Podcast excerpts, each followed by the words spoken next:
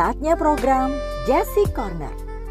Selama dua jam ke depan, lagu-lagu Jesse pilihan akan menemani Anda. Just stay tuned and enjoy.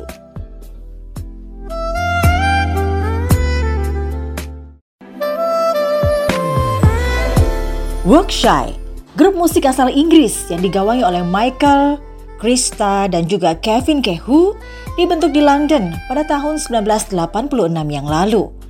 Pada akhir 1989, Workshy merilis album The Golden Mile di Inggris yang menjadi hits besar pada waktu itu. Tak lama kemudian, Workshy mendapatkan pengikut yang stabil, tidak hanya di Inggris, tapi juga di Asia, khususnya di Jepang. Bahkan di tahun 90-an, Workshy sudah mampu membangun basis penggemar yang kuat di Jepang dan Asia Tenggara. Grup musik ini sukses menghibur para penggemarnya dengan melakukan tour di Filipina, Hong Kong, Singapura, Taiwan, dan negara tetangga lainnya termasuk Indonesia pada saat itu. Salah satu lagunya, Love is the Place to Be, berhasil mencuri hati para pecinta musik jazz.